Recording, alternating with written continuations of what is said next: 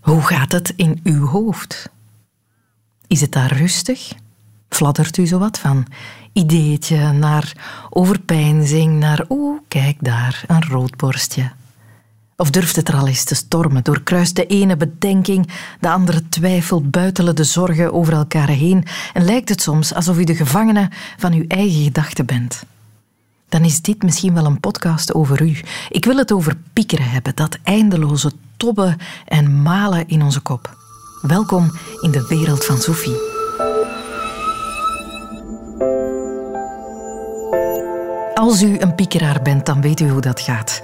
Maar mocht het fenomeen u vreemd zijn, dan geef ik u graag eens een blik in het hoofd van een piekeraar. Reporter Anke van Meer kroop al vaker in hoofd. Ze heeft een podcastreeks gemaakt, In mijn hoofd. Ze kroop daarvoor in het hoofd van een afasiepatiënt, een blinde, een verliefde. Maar ze kroop voor deze gelegenheid eens in het hoofd van een piekeraar. Maak kennis met Line de Maarschalk. Is dat opnemen of niet? Oké, ik ga dat gewoon doen, maar ik weet niet... Oké, ik mag mezelf niet zo hard... Ik ben hier nu al over aan het piekeren, voor wat ik ga zeggen, maar oké. Ehm, oké, ik ga... Ah nee, wacht. Ah, maar dat is wel nog moeilijk. Dat is zo moeilijk. Oké. Ehm, ik denk... Um, maar ik zeg ook heel veel, denk ik, heel de tijd. Omdat ik dan nu al aan het filteren ben van, ah ja, wat ik nu zeg, is eigenlijk niet per se wat ik zeker weet of wat mijn ultieme antwoord is op deze vraag. En dan zeg ik, denk ik, om dan te ontkrachten dat dat mijn antwoord is. Denk ik? Ik weet niet. Het is alsof, um, alsof er een film op tv speelt en je die altijd op pauze zet, dan terugspoelt, een stukje herbekijkt, daar je gedachten over vormt, dan weer doorspoelt en dan toch nog een keertje helemaal terug aan het begin gaat enzovoort. En eigenlijk de film nooit kunt uitkijken of de film is nooit af of zo. Dus er is niet echt een einde. Nee. Denk ik? Ik weet niet. laatste keer was om half twaalf s'avonds, toen ik naar huis aan het wandelen was na het babysitten. Um, de papa van de kindjes heeft mij net een vraag gesteld en ik heb daarop geantwoord. En ik denk, dat had je niet moeten antwoorden. Je had iets anders moeten zeggen. Uh, dan begin ik dus alle mogelijke opties in mijn hoofd overlopen wat beter antwoorden waren geweest. En of ik al dan niet die antwoorden zou sturen naar hem. Achteraf van, hey, eigenlijk wou ik dat zeggen. Ja, nu moet je terecht zitten, want je hebt dat net verschrikkelijk gedaan. Je hebt dat echt niet goed gedaan en dan kan ik gewoon zo helemaal dat afbreken. En dan, dus dat doet niet per se pijn, maar dan word ik wel gewoon bot op mezelf. Dus op. Dus dat begint met één specifiek momentje en dan daarna gaat dat gelijk naar heel de avond of zo? Van, ah ja, maar wat is er de rest van de avond gebeurd en heb je dat wel goed aangepakt? En, uh, misschien waar ik het meeste over pieker is wel echt wat ik zeg en wat ik heb gezegd en wat ik ga zeggen. Ja, dat denk ik. ik denk dat vooral. Zeg iets nuttig. Zeg iets. Zoek iets om te zeggen. Alsof er gewoon heel veel verschillende opties zijn om een moment misschien te hebben beleefd. Dat heb ik vaak, dat ik iets doe en dat ik dan achteraf denk, ah, maar gaat dat zo kunnen doen of dat, dat kunnen zeggen, dat, moeten horen. Dus dan zijn er gewoon heel veel verschillende stemmetjes in mijn hoofd die dan zeggen, ah ja, maar wat als? Uh, je ziet er niet goed uit vandaag in de spiegel. Uh, misschien moet je daar direct iets aan doen. Je bent weer niet voor jezelf aan het zorgen. Stop met enkel dingen voor jezelf te doen. Stop met zo stil te zijn. Je moet gaan slapen. Nee, je hebt nog niks nuttig gedaan. Nu lijkt het of ik zo over heel onbelangrijke dingen pieker, maar ik denk dat ik soms ook over belangrijke dingen pieker maar alle voorbeelden die ik heb gegeven zijn precies zo kleine dingetjes. Dus dat vind ik raar. Um, het zou beter zijn als ik nu had een andere vraag moeten stellen. Stop met nadenken. Asociaal te zijn. Zeg iets nuttig. Kon hier nu niet gewoon leuk maken. Kan ik dit moment wissen? Energie vragen van anderen voor je eigen stomme gedachten. Ben ik nu voor mezelf aan het zorgen? Nee, want ik maak me zorgen. En um, gaat dat wel op iets slaan wat ik dan zeg? En ik denk ook dat ik terwijl ik dit, dit, aan het doen ben, al aan het piekeren ben over wat heb je nu net gezegd. En dat ik ook hierna ga piekeren over... En wat heb ik nu net allemaal verteld? Maar huh, dat was helemaal niet wat ik wou antwoorden op die vraag. Of um, en dat ik misschien dan zo ga sturen... Hey, kunnen we dit... En zo gaat dat maar door en door en door en door. Piekeren. Wat is dat eigenlijk? Waarom doen we het? En zou je het kunnen afleren? Daar is net een boek over uit. Weg van het piekeren. Actie als remedie. Geschreven door psycholoog Philippe Raas, verbonden aan de KU Leuven. Psycholoog, maar zelf ook een volleerd piekeraar. Uh, dat klopt, u hebt mijn boek goed gelezen. Ja, ja. um, een boek over dat eindeloze toppen, dat malen in je hoofd. Vanaf wanneer spreken we eigenlijk over piekeren? Wanneer uh, is het niet meer gewoon nadenken, ja. maar wordt het piekeren? Ja, want dan hoor je soms mensen meteen zeggen van ja, maar als er een probleem is, dan mag ik daar toch over nadenken. En dat mm -hmm. mag je zeker. Hè. Maar piekeren is een manier van nadenken die eigenlijk niet meer helpend is. Uh, piekeren wil zeggen uh, nadenken op zo'n manier dat je er geen vat meer op hebt. Piekergedachten komen automatisch op. Het is niet zo dat je eens even tegen jezelf gaat zeggen: ik ga eens in de stoel zitten en ik ga eens beginnen nadenken. Die piekergedachten die kunnen je overal overvallen. En eens dat die trein aan het lopen gaat, krijg je die ook nog maar moeilijk stopgezet. Ja, dus, je kan niet nee, zelf zeggen, stop er nu mee. Je kan dat proberen, maar hoe meer dat je dat zegt, hoe, hoe meer dat die piekergedachten alleen maar uh, terug opkomen. En een ander belangrijk kenmerk van piekeren is dat het een manier van nadenken is die je geen oplossing uh, geeft eigenlijk. Door te piekeren denk je jezelf alleen maar verder en verder weg van een oplossing. En er is een, een goed voorbeeld dat ik dan meestal uh, gebruik van een collega uit Engeland, Ed Watkins, om het verschil aan te duiden tussen wat is nu piekerend nadenken en wat is op een meer constructieve manier nadenken. Dus stel je voor dat je s ochtends in de wagen zit en je moet naar een belangrijk sollicitatiegesprek. En je wil de wagen starten en dat lukt niet. Dan kan de ene persoon daar als volgend op reageren en dat is dus de piekerende, piekerende manier hoofd op het stuur, kak of shit roepen. Uh, zeggen, waarom moet mij dit weer overkomen? Kijk, hier gaan we weer. Niks lukt mij. Oei, ik ga straks te laat komen. Ik ga die job mislopen. Wat gaan mijn ouders denken? Ga zo maar door. Ja, en voordat je het weet, ja, voel je alles behalve gelukkig of goed. En de kans, uh, de kans is er dat je niet naar het sollicitatiegesprek... Ja, en je staat er nog altijd. Ja. hoe, hoe denk je dan beter wel? Oei, uh, ik, mijn wagen geraakt niet gestart. Uh, wat kan ik doen om dit hier en nu op te lossen? Uh, de garage is dicht, want het is maandag, maar mijn buurman kent iets van wagens. Ik ga daar naartoe en ondertussen bel ik, naar, bel ik naar VAB, want ik ben aangesloten bij VAB bijvoorbeeld. En ondertussen misschien even naar die HR-manager al bellen dat ik mogelijk wat te laat kom. Dat is een veel meer hands-on concrete, hoe kan ik hier en nu het probleem oplossen? Ja. Dat is eigenlijk het extreme verschil. Een grote verschillen. Het piekeren, dat is het gekke eraan. Je denkt wel dat je het aan het oplossen bent door over iets na te denken. Dat is waarom het waarschijnlijk ook altijd blijft terugkomen. Als je aan het piekeren bent, heb je het gevoel van ik ben er toch mee bezig. Ik ben aan het zoeken naar een oplossing. En als ik soms tegen iemand zeg, ja, stop er nu even mee. Nee, nee, nee, ik ga nog even verder piekeren. Ik ben er bijna uit. En dan doen ze nog vijf minuten verder en nog tien minuten verder. En dan vraag je, voel je je al beter? Ben je al dichter bij een oplossing? Ja, nee, eigenlijk nog niet. Maar het, het, het, het gevoel van ik ben ermee bezig, dat, dat, dat, dat maakt het eigenlijk zo krachtig, dat piekeren. Ondertussen vreet het je energie, hè? Ja, als je dat geluidsfragment daarnet beluistert, ik kan me voorstellen dat de luisteraars daar moe van worden. Hè. Dat is mm-hmm. zeer vermoeiend, de hele tijd maar zitten nadenken. Uh, had ik toen niet beter zus? Uh, wat als morgen dit? Wat als volgend jaar dat? Wat denkt die of die wel niet van mij? Dat gaat altijd maar door en door en dat stopt niet. Soms is het eens wat minder, dan weer wat meer. En dat is zeer vermoeiend, ja. ja. Is het ook ongezond om te piekeren? Wel, een beetje piekeren is niet ongezond. Eh, je zou iedereen een beetje op een lijn kunnen zetten van 0 tot 100 bij wijze van spreken. En de meeste van ons zitten zo ergens in het midden. Maar ja, heel wat van ons zitten natuurlijk wat boven het gemiddelde. En hoe meer dat je naar het extreme uiteinde gaat, dat wil zeggen hoe meer en hoe vaker dat je piekert, ja, dan, dan, dan weet je dat het soms voor problemen kan zorgen. En dat zijn dan problemen als? Uh, de, de meest voorkomende problemen waar piekeren mee aan de grondslag ligt, zijn, zijn angsten, depressies, burn-out uh, ga zo maar door. We hebben pas nog een, een studie gepubliceerd met steun van Rode Neuzendag en het FVO Vlaanderen bij, bij jongeren op de middelbare school. En als je die een aantal keer gaat bezoeken en je vraagt iedere keer hoe het met hen gaat, hè, kwestie van depressieve klachten, dan komt er altijd één heel duidelijke voorspeller naar voren en dat is piekeren. Het niet kunnen stopzetten van die, die, die, die piekergedachten. Dus dat kan een voorspeller zijn van ernstigere mentale problemen ja. later. Ja. Als je het niet stilgezet krijgt, als je het niet op een of andere manier verzacht krijgt. Ja, of als het gewoon veel te vaak voorkomt, ja. ja.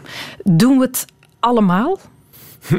um, dat is een goede. Uh, enkele weken geleden had ik nog mijn ouders op bezoek en mijn moeder zei dat ze eigenlijk nooit piekert. Uh, uh, laat ons zeggen dat uh, we het allemaal in min of meerdere mate doen. En de meesten doen het wel een beetje. En sommigen doen het heel vaak en sommigen doen het bijna nooit. Bijna nooit. Ja. Ehm, hoe komt het dat bij sommige mensen dat piekeren zoveel van hun energie afneemt, dat het bij hen ja, toch problematischer is dan bij een andere? Wat kan de ene wel dat de andere niet kan? Ja, ik, ik vrees dat we allemaal gewoon van nature uit wat verschillen. En, en daar zit het verschil. Sommigen worden geboren als een, een piekeraar en anderen helemaal niet. En dan heeft het ook nog te maken met wat je allemaal tegenkomt in het leven en hoe je wordt opgevoed. Maar we verschillen daar gewoon in. En hoe meer je piekert, uh, ja, des te groter de kans voor allerhande psychische problemen. Ja, maar het kan aangeboren zijn. Het, het, is zeker aangeboren voor een groot stuk. Ik denk iets van eh, de helft van ons pieker, daar worden we mee geboren en daar kan je dus op zich eigenlijk niet veel aan doen. Nee. Ja, als zoveel mensen het in min of meerdere mate doen, waarom bestaat het dan, piekeren? Wat, wat brengt het ons? Ja, dan verwijzen we vaak naar de, de evolutionaire uh, psychologie. Uh, piekeren, dat hoort eigenlijk bij de persoonlijkheidskenmerk neuroticisme. En dat hebben sommigen dus meer dan anderen. En wat wil dat eigenlijk zeggen, neuroticisme? Dat wil zeggen, als je die, die, die persoonlijkheidseigenschap wat meer hebt, wil dat zeggen dat als er stress is of een probleem zich stelt, dat je wat sneller dan anderen daar met wat stress op gaat reageren.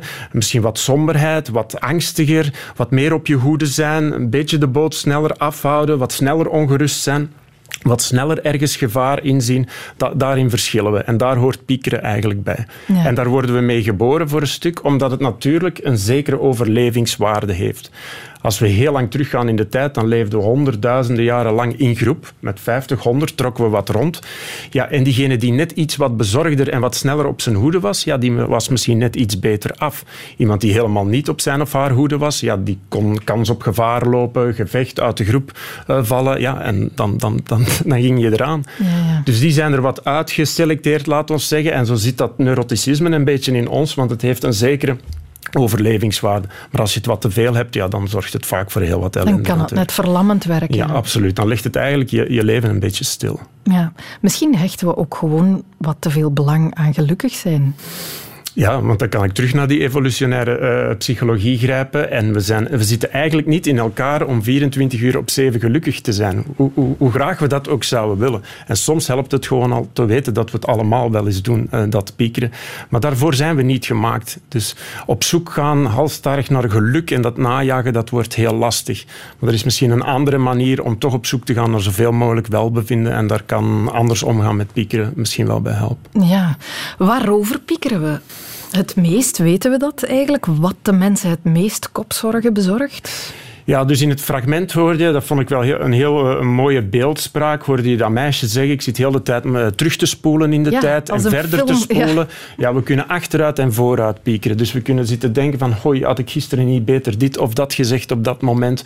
Of had ik twee jaar geleden niet beter dit of dat, of die keuze gemaakt in mijn leven? Of mal zorgen aan het maken over straks dus toekomst en verleden. En ook, ja, wat denken anderen over mij? Hè? Ja, dat komt in dat fragment heel erg naar voren. Ik heb het verkeerde gezegd. Ja, ja, gaat die mens nu over mij denken? Wat denken anderen van mij? En ja, terug opnieuw, naar zoveel jaren geleden... Uh, we leefden in een groep. De andere was zo belangrijk voor ons en nog altijd. We zijn sociale wezens. Dus wat anderen van ons denken en of ze misschien slecht van ons denken, dat is zo een thema in ons hoofd. Daar kunnen we niet buiten. Ja, ja je hebt zo van die uh, feel-good leuzes als dance like nobody's watching. Ja, ja, dat, ja, dat, dat, dat, dat, dat nee, dat werkt niet voor mensen voor wie dat, dat een probleem is. Nee. Ja, nee. Je kan er wel wat aan doen, dat leren we in uw boek. Daar wil ik het dadelijk eens over hebben. Um, ik wil eerst wat muziek spelen en niet zomaar een plaat. Angst is maar voor even van faut. Daar vinden we een stukje tekst van vooraan in uw boek. Ja, faut heeft het gezongen, denk ik, eh, bij Liefde voor Muziek op eh, VTM, één of twee seizoenen geleden. En ik vond, ja, ik vond de titel, en het is niet alleen een heel mooi nummer, maar de titel is heel treffend natuurlijk. Angst is maar voor even en spijt is voor altijd. Soms uh, staat angst in de weg om iets te doen wat we eigenlijk heel graag zouden willen doen. En dan doen we het misschien niet. Maar dan kan je wel nadien jarenlang beklagen en spijt hebben dat je het niet gedaan hebt. Had je gewoon even die drempel genomen om over die initiële angst heen te gaan en met die angst toch datgene aan te gaan wat je eigenlijk wil doen. Dat is soms veel mooier natuurlijk dan jarenlang spijt te moeten hebben. Van dan hebben we het niet over grote dingen als bungee jumpen en zo. Dan hebben we het gewoon over de kleine stapjes ja, in absoluut, het Ja, ja. Zwarte nachten, grijs en grauw en hoop is onbestaand. Altijd bang voor weet dan dat de kans bestaat. Dat zo naast het ook het goede zacht verglijdt. Angst is maar voor even, spijt is voor altijd.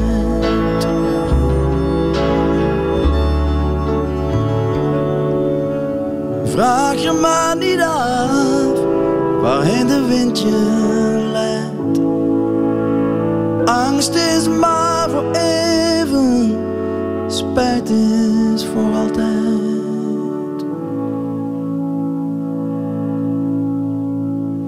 Comilfo heeft al veel mensen geïnspireerd. Het lijkt zo moeilijk af te leren, dat piekeren, maar het kan wel. Kan je het op een of andere manier afleren?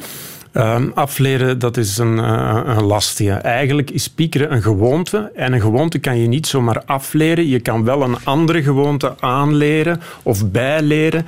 En die in competitie laten gaan met het aloude piekeren. En hoe meer dat je iets anders uitprobeert en oefent, des te meer en sterker dat dat antwoord wordt. En dan gaat het piekeren wat op de achtergrond. Maar stoppen met piekeren, nooit meer piekeren, dat, dat is lari, dat is een, een illusie. Eens een piekeraar, altijd een piekeraar. Er zijn nogthans veel artikels die je tegenkomt. Hè? Nooit meer piekeren. Ja, dat klopt. En uh, een, een piekeraar zal altijd, hoeveel handboeken of therapeuten dat hij ook ziet of hoort...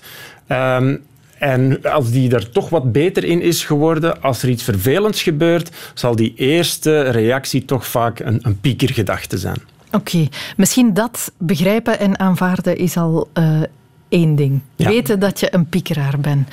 Maar stel nu, hè, ik ben er één, wat doe ik? Hoe ga ik te werk om morgen anders aan mijn dag te beginnen? Ja, um, het gaat er dus over ten eerste dat je moet opmerken wanneer je aan het piekeren bent. En dat is al een lastige, want meestal merken we het pas op na vijf minuten, na tien minuten, na twintig minuten. en dan wakker liggen in ja, bed. Voilà.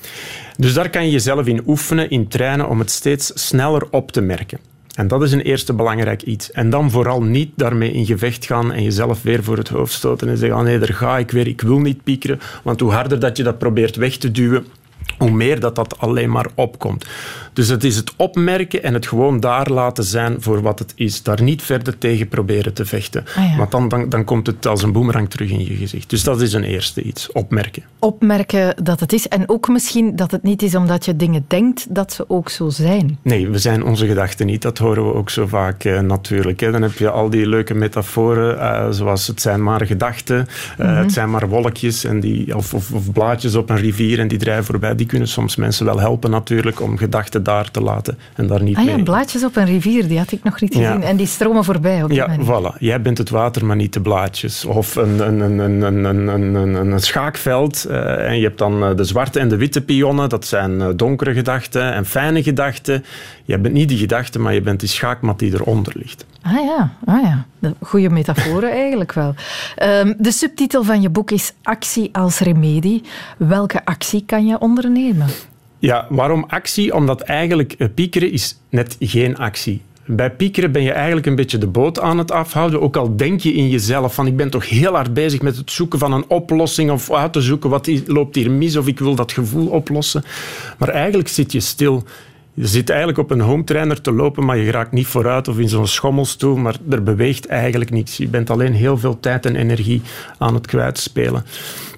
Dus opmerken dat je piekert en dan toch overgaan tot actie. Maar welke actie? Dat is een hele goede vraag. Eigenlijk moet je altijd eerst afvragen: ben ik aan het piekeren over iets waar ik vat op heb? Gaat het om iets wat ik kan oplossen, waar ik controle over heb of kan hebben? Mm-hmm. En als dat het geval is, probeer dan eens te kijken of je zo snel mogelijk actie kan ondernemen. En als dat nu niet kan, ga dan eens even na wanneer kan ik welke concrete stappen nemen om een probleem op te lossen waar ik over aan het piekeren ben. En dan ligt de actie in het oplossen van het probleem.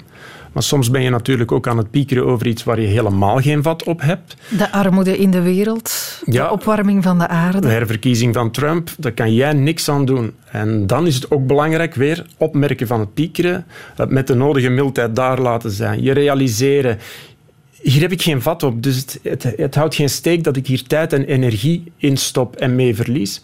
Ik kan beter mijn aandacht richten op iets anders. En dat kan dan van alles zijn, maar de belangrijkste actieterreinen zijn die dingen die jij eigenlijk belangrijk of waardevol of zinvol vindt in het leven.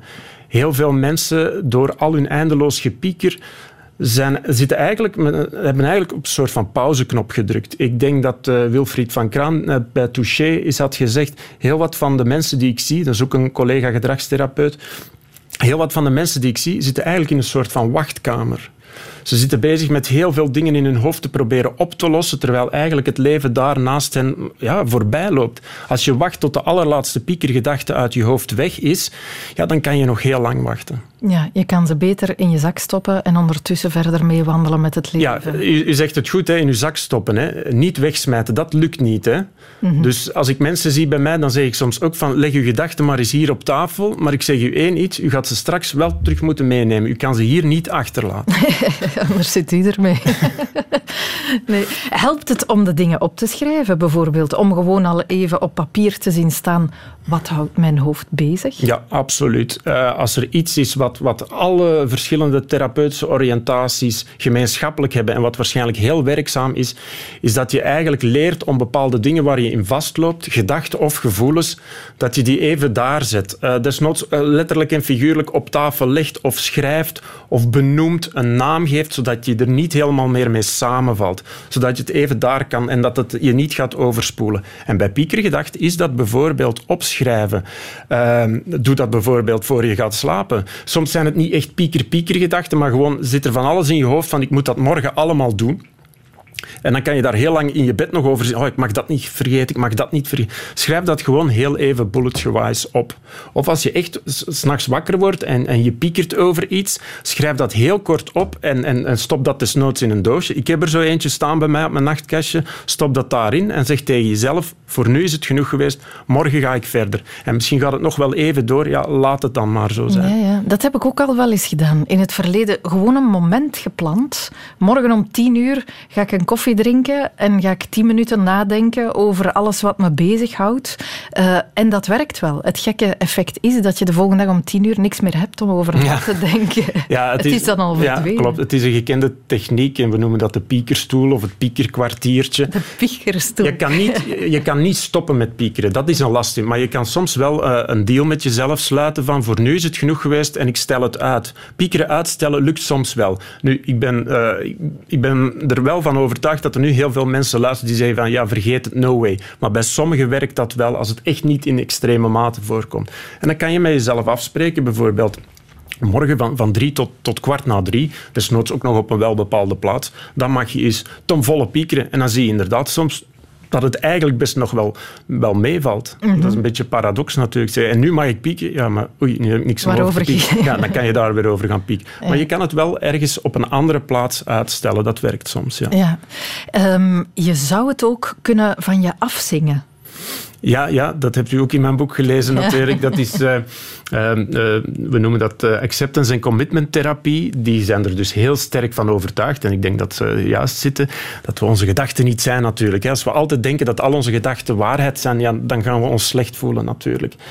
En opnieuw is dat een manier om dingen een beetje van je af te schrijven, af te zingen, buiten je te plaatsen, er niet mee samen te vallen, door een bepaalde gedachte die je hebt te zingen. Uh, Frank Sinatra. Ja, ja, ja. Bijvoorbeeld, uh, mijn allerliefste Bolly thuis zal het nu niet graag horen, maar ik, heb, uh, ik ben toch weer misgereden hier in Brussel deze ochtend. dus ik ben echt geen, geen, geen geweldige chauffeur, zeker niet in Brussel. Dat ligt niet per se aan... Nee, dus ik zou nu de gedachte kunnen hebben, ik ben een verschrikkelijke chauffeur. Stel dat die gedachte mij niet wil loslaten, dan kan ik die beginnen zingen als uh, Frank Sinatra, of als Arno, of als Telau, of als de zangeres zonder naam. En dan, dan haal je eigenlijk de kracht uit die gedachte weg en dan wordt het zelfs nog een beetje grappig en, en ludiek. Dat is hetzelfde als je een woord twintig keer herhaalt. Dan vraag je af, wat is dat eigenlijk voor een raar woord? Dus je gaat de kracht uit, uh, uit, uit de woorden, uit gedachten weghalen. Ja, dat lijkt me inderdaad een techniek die zeer goed kan werken voor dat soort issues natuurlijk. Ik ben een, een uh, slechte chauffeur, kan je vast mee lachen. Soms heb je gewoon ook wel echt miserie. Ja. Um, u heeft het zelf meegemaakt, uh, dat er een tumor bij u werd geconstateerd. Dat zijn momenten, uh, dat, daar ga je niet snel over zingen, lijkt me. Nee, uh, dat klopt. Uh, maar soms moet ik vaststellen dat ik bij dat soort ernstige dingen misschien soms nog minder pieker uh, dan, dan bij andere banaliteiten. Ik ben, ah, ja? Enkele weken geleden ben ik opnieuw onder de scan gemoeten En deze week zal ik horen of die tumor gegroeid is of niet. Dus dat is ook best spannend. Daar kan ik nu ook over beginnen piekeren. Maar ja, dat gaat dit gesprek niet ten goede komen, want dan ben ik daar weer in mijn hoofd mee bezig. Ja, dus komt het er in grote lijnen op neer? Blijf je leven leiden, blijf dingen doen en ondernemen, ondanks de gedachten. Ja, dus ik zeg altijd, er zit een, groot stuk zwart in, in, ons leven en een groot stuk wit. En dat witte dat staat voor de dingen die aangenaam zijn, leuk zijn, die ons energie en goesting geven in het leven. En het zwarte is alles wat ons bezighoudt in ons hoofd. En hoe meer dat je dat energie geeft en probeert weg te duwen, des te meer dat er alleen maar die ellende komt. En des te minder plaats er is uh, voor die goede dingen. Maar ik ben me er wel van bewust natuurlijk dat voor heel veel mensen het niet enkel gewoon piekeren is, maar piekeren over uh, heel veel vervelende dingen die ze hebben meegemaakt of momenteel meemaken. En dan ga je er niet alleen komen met even dat piekeren aan te pakken. Dat zeg ik heel duidelijk in mijn boek. Zoek dan alsjeblieft professionele hulp voor die problemen. Als je er zelf niet uitkomt. Nee, dus de problemen zijn al erg. Als je dan ook nog eens erover gaat piekeren, dat is double trouble. Mm U mediteert ook. Op welke manier helpt dat? Um, wel, als ik zeg we moeten het piekeren opmerken met enige mildheid, om het gewoon daar te kunnen laten zijn, zodat het niet verder gaat doorrazen en ondertussen onze tijd en energie stoppen in dingen die ons uh, wel de moeite waard lijken. Dat strookt heel erg met bijvoorbeeld ook wat uh, die, die centrale attitude in mindfulness is. Dus dingen opmerken die in ons gebeuren, gedachten, gevoelens, emoties, en daar niet gaan aanhangen of die niet proberen weg te duwen, maar te laten voor wat ze zijn met mhm. enige mildheid, zonder daarmee in gevecht te gaan. En dan krijg je tijd en ruimte om andere dingen te doen, om bewuste keuzes te maken, om, om, om dingen te gaan doen die je misschien al te lang hebt laten liggen. Ja, dat mediteren concreet, hoeveel tijd stopt u daarin? Is dat een dagelijkse bezigheid? Ja, uh, ik doe dat vijf minuutjes per dag. Dus elke ochtend, uh, voor ik uit bed kom, ga ik gewoon op de bedrand zitten en zet ik zo'n timer op vijf minuten en dan zit ik daar maar te zitten. Mediteren kan helpen tegen het piekeren. Dat hoorden we ook bij regisseur en tv-maker Nick Balthazar. Ook hij is een ras-echte piekeraar. Hij maakte daar zelfs een film over. Een aantal jaren geleden kwam die uit. Everybody Happy, waarin de piekergedachte van het hoofd personage zo groot zijn dat ze zelfs een gedaante krijgen. Die zijn een personage op zich. Maar Nick kreeg het ook dankzij meditatie onder controle. Ik had die film gemaakt bij niks en die was verkocht in heel de wereld. Ik ging van een, festival naar het volgende. Ik had een, een, manager en een agent en zelfs een lawyer in, de, in Hollywood en weet ik veel. En alles gaat fantastisch. En ik ben op een avond eh, in, in Parijs met een heel mooie vrouw die dan ook nog mijn eigen vrouw was, dus nog zo handig. En uh, ik denk, wauw, fantastische avond en zo. En dan toch, de lampje zo eh, langs het bed gaat uit. En je kent waarschijnlijk wat er dan gebeurt. Een, een, een uur later kunnen daar plotseling toch nog liggen.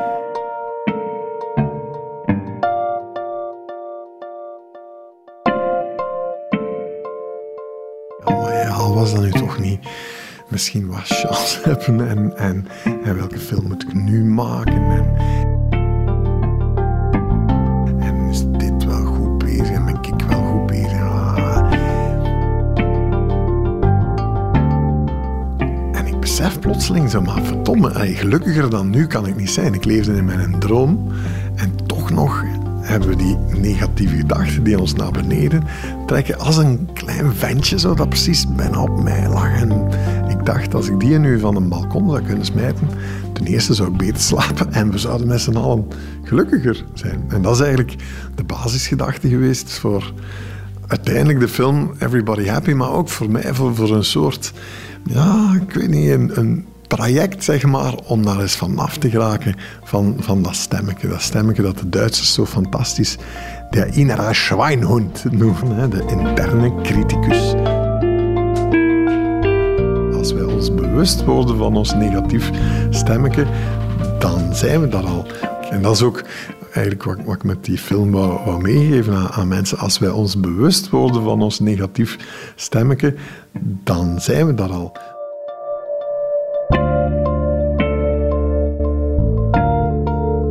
Het is een onwaarschijnlijke bevrijding om voor uzelf te zeggen: wie is nu in mijn kop tegen mij aan het praten? Gewoon, wie is dat dan? Geef dat eens een stemmetje zo. Of, of, of zelfs een dialect of zo. Je dan zegt, ik pak nou Moordijs. Maar het kan ook uh, iets anders zijn. Hè? Dat, dat je zegt, maar alleen zie je nu toch zo om dat je nu niet hebt voorbereid. Of zelfs zing het. Oh, ze gaat toch een kalvaaglaak altijd gebleven. En je weet, oh shit.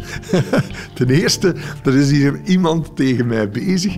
En ten tweede, je kunt die ontkrachten. Je moet die, je moet die belachelijk maken zonder de clue van mijn film te, vertellen, is dat eigenlijk ook een beetje wat, wat Ralf Hartman, Peter van den Begin, uiteindelijk doet in, in de film. Wie is dat eigenlijk? Een klootzak. Zit hij altijd op wat kap? Eigenlijk wel, ja. Negeert die gewoon. Ja, ik doe mijn best. Denk gewoon, fuck you. Fuck you. Zeg je die hardop? Fuck you. Groot. Het grappige is, in zelfs proberen van niet te piekeren, wordt ongelooflijk contraproductief. Want dan zeg je, ja, maar ik ben niet weer aan het piekeren. Ik ben niet weer mag niet piekeren. En dat heet dan metapiekeren. En, uh, en dus het is niet zo waarschijnlijk simpel om ervan af te geraken. Anders zouden we het ook met z'n allen niet doen. Hè. Het is de waarschijnlijk meest beoefende Vlaamse sport ever.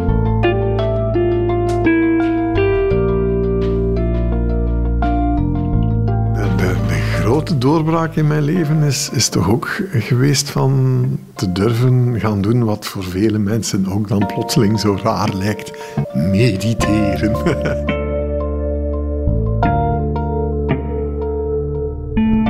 Maar het was waarlijk in Japan in een tijd, ik weet het, dat ik nog vloog met het vliegtuig. Ik zal het nooit meer doen enzovoort.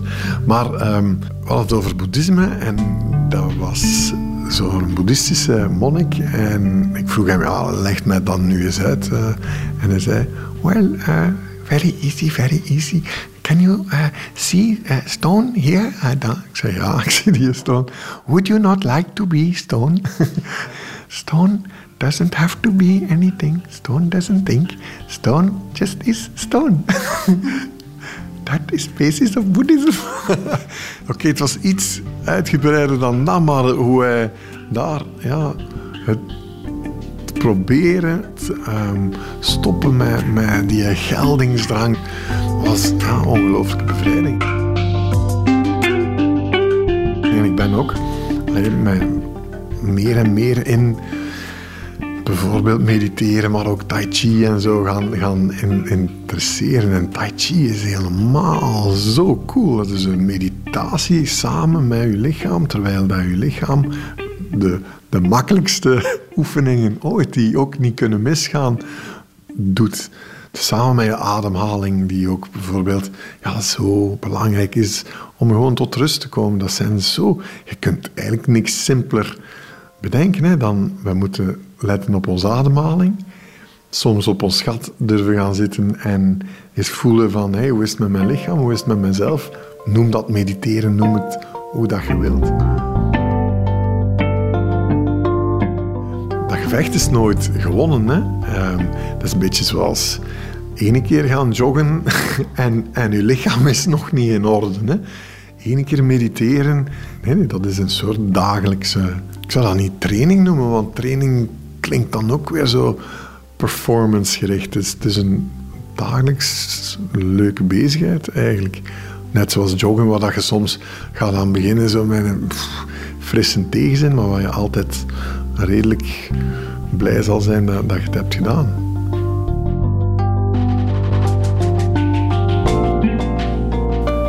Het enige wat nodig is, is ons daarvan bewust worden van, van de innere Schweinhund. Je krijgt die vaak niet echt helemaal weg, maar je moet beginnen weten dat wij de baas zijn van ons gedachten, in plaats van het omgekeerde. Hè. Het komt er hem op neer dat je moet zeggen, wat wij aan het denken zijn, hè, dat zijn we ook maar gewoon aan het denken. Dat is niet waar. Hè.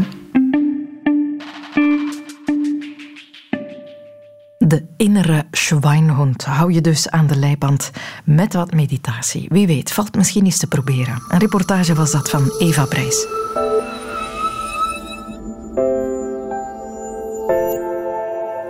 Dit was de wereld van Sophie over piekeren. Ik hoop dat u er wat aan had.